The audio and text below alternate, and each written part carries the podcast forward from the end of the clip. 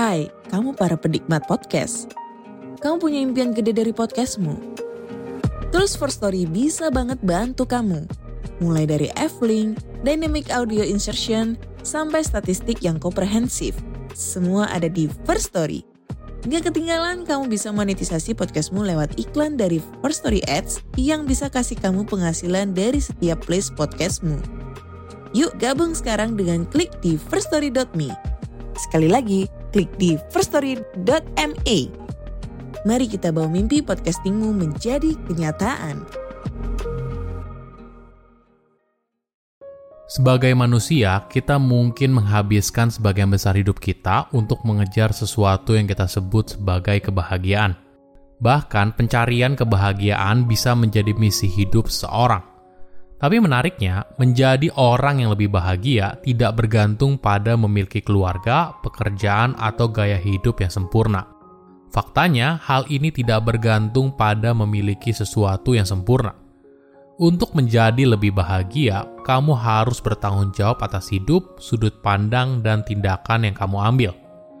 Kamu bisa memulainya dengan merenungkan, apakah kamu mengembangkan aspek kehidupan yang mendukung kebahagiaan, baik saat ini maupun jangka panjang.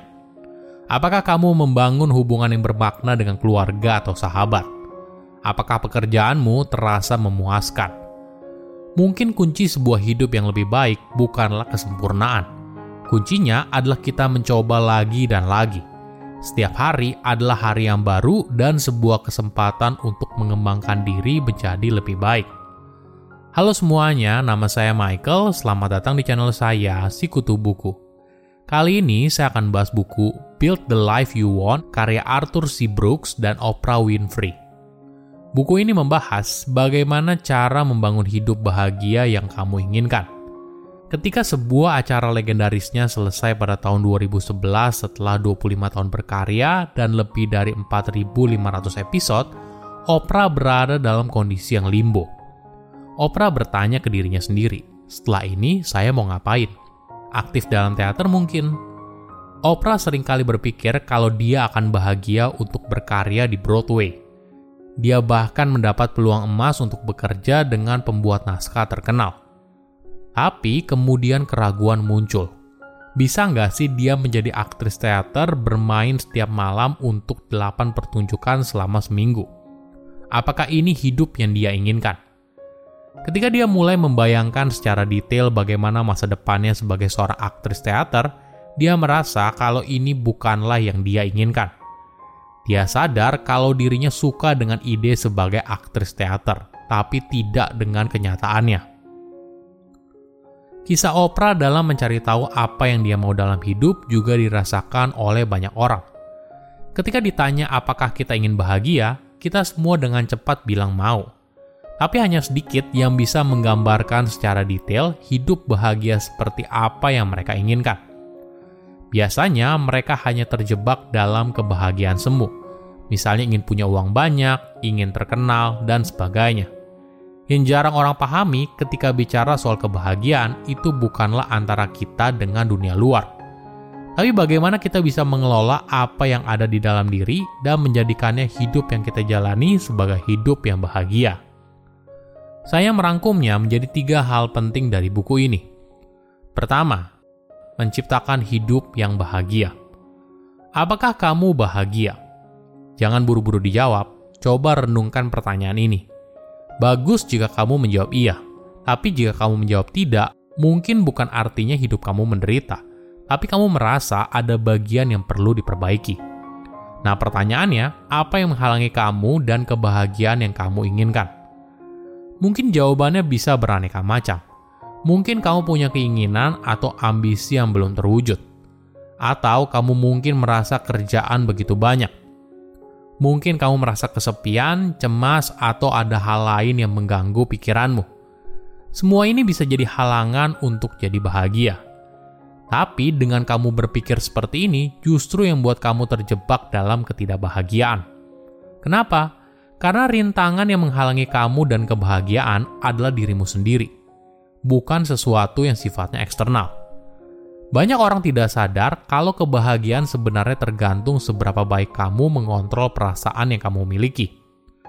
Jika kamu membiarkan perasaan mengontrol apa yang kamu lakukan, alih-alih membuat pilihan sadar atas apa yang dilakukan, maka tidak heran apabila kamu cenderung mengejar sesuatu yang sifatnya sementara, entah mencari kenyamanan dalam uang, kekuasaan, status sosial, atau perhatian.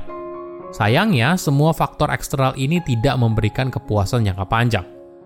Kebahagiaan sejati pada dasarnya berakar pada tiga elemen, memiliki tujuan, merasakan kenikmatan, dan kepuasan. Jadi bagaimana kita bisa menghindari pengejaran kebahagiaan yang semu? Mungkin yang pertama adalah berhenti memikirkan kebahagiaan sebagai sebuah pencarian yang besar. Melainkan, cobalah melihat ini sebagai sesuatu yang mungkin di setiap momen dalam hidup tidak peduli tantangan apa yang kamu sedang hadapi.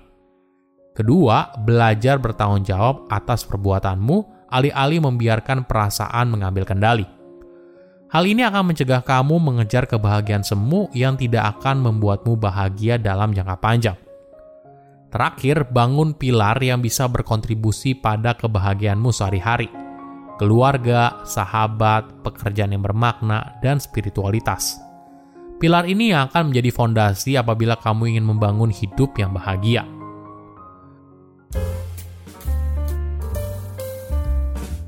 Kedua, keluarga dan sahabat sebagai pilar kebahagiaan. Bagi kebanyakan orang, keluarga merupakan elemen penting dalam hidup. Memiliki sebuah keluarga yang bahagia merupakan impian banyak orang. Tapi apa sebenarnya keluarga bahagia? Apakah ini artinya sebuah keluarga yang sangat harmonis, tidak ada pertengkaran, anak yang tumbuh sukses tanpa adanya kekhawatiran apa pun? Konsep keluarga bahagia ini mungkin hanya ada di layar kaca. Hubungan manusia tidak selamanya sempurna, pasti ada naik dan turun. Meskipun begitu, sebuah keluarga memberikan seorang sebuah tujuan yang kuat, salah satu kunci utama dari kebahagiaan. Namun tentunya tidak selamanya hubungan itu mulus Mungkin sepanjang perjalanan ada konflik dan ini adalah hal yang wajar.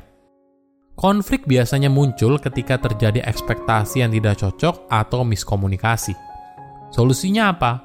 Mungkin kita harus berhenti jadi mind reader. Daripada membuat asumsi tentang apa yang orang lain pikirkan, tanyakan secara langsung apa yang mereka inginkan dan dengarkan isi hatinya.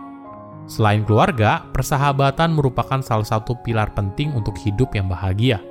Persahabatan dapat memberikan dukungan dan cahaya saat kita berada dalam kegelapan. Biasanya, sebuah persahabatan yang paling bermakna tidak bergantung pada apa pekerjaanmu, status sosial, atau ambisi karirmu. Hal ini biasanya dimulai ketika kalian punya kecintaan yang sama, entah itu hobi atau bahkan spiritualitas. Memiliki hubungan persahabatan memang tidak mudah. Seringkali hubungan pertemanan kita bersifat transaksional, di mana salah satu atau kedua belah pihak berusaha mendapatkan sesuatu dari orang lain.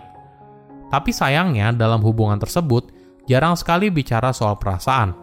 Alhasil, kebutuhan sosialnya tidak terpenuhi.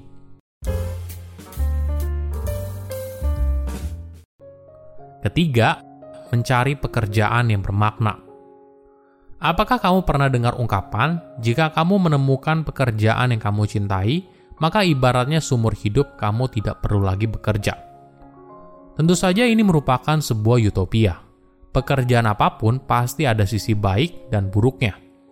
Tapi banyak studi menemukan kalau memiliki sebuah pekerjaan yang kamu sukai, maka hal ini bisa membuat kamu bahagia. Hal ini penting karena minimal sepertiga waktumu sehari dihabiskan untuk bekerja. Bayangkan apabila kamu tidak menyukai hal tersebut Tentunya ini merupakan situasi yang sangat menderita kan?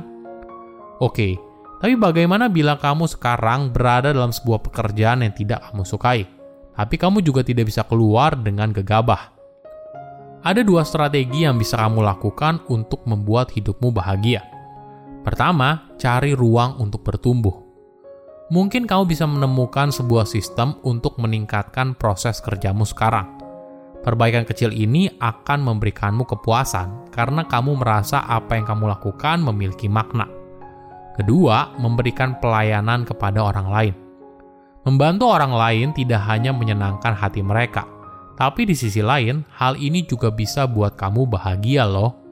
Tidak perlu hal yang besar, bahkan membuat rekan kerja tersenyum saja bisa meningkatkan kebahagiaanmu di tempat kerja. Silahkan komen di kolom komentar pelajaran apa yang kalian dapat ketika baca buku ini. Selain itu, komen juga mau buku apa lagi yang saya review di video berikutnya. Saya undur diri, jangan lupa subscribe channel YouTube Sikutu Buku. Bye bye.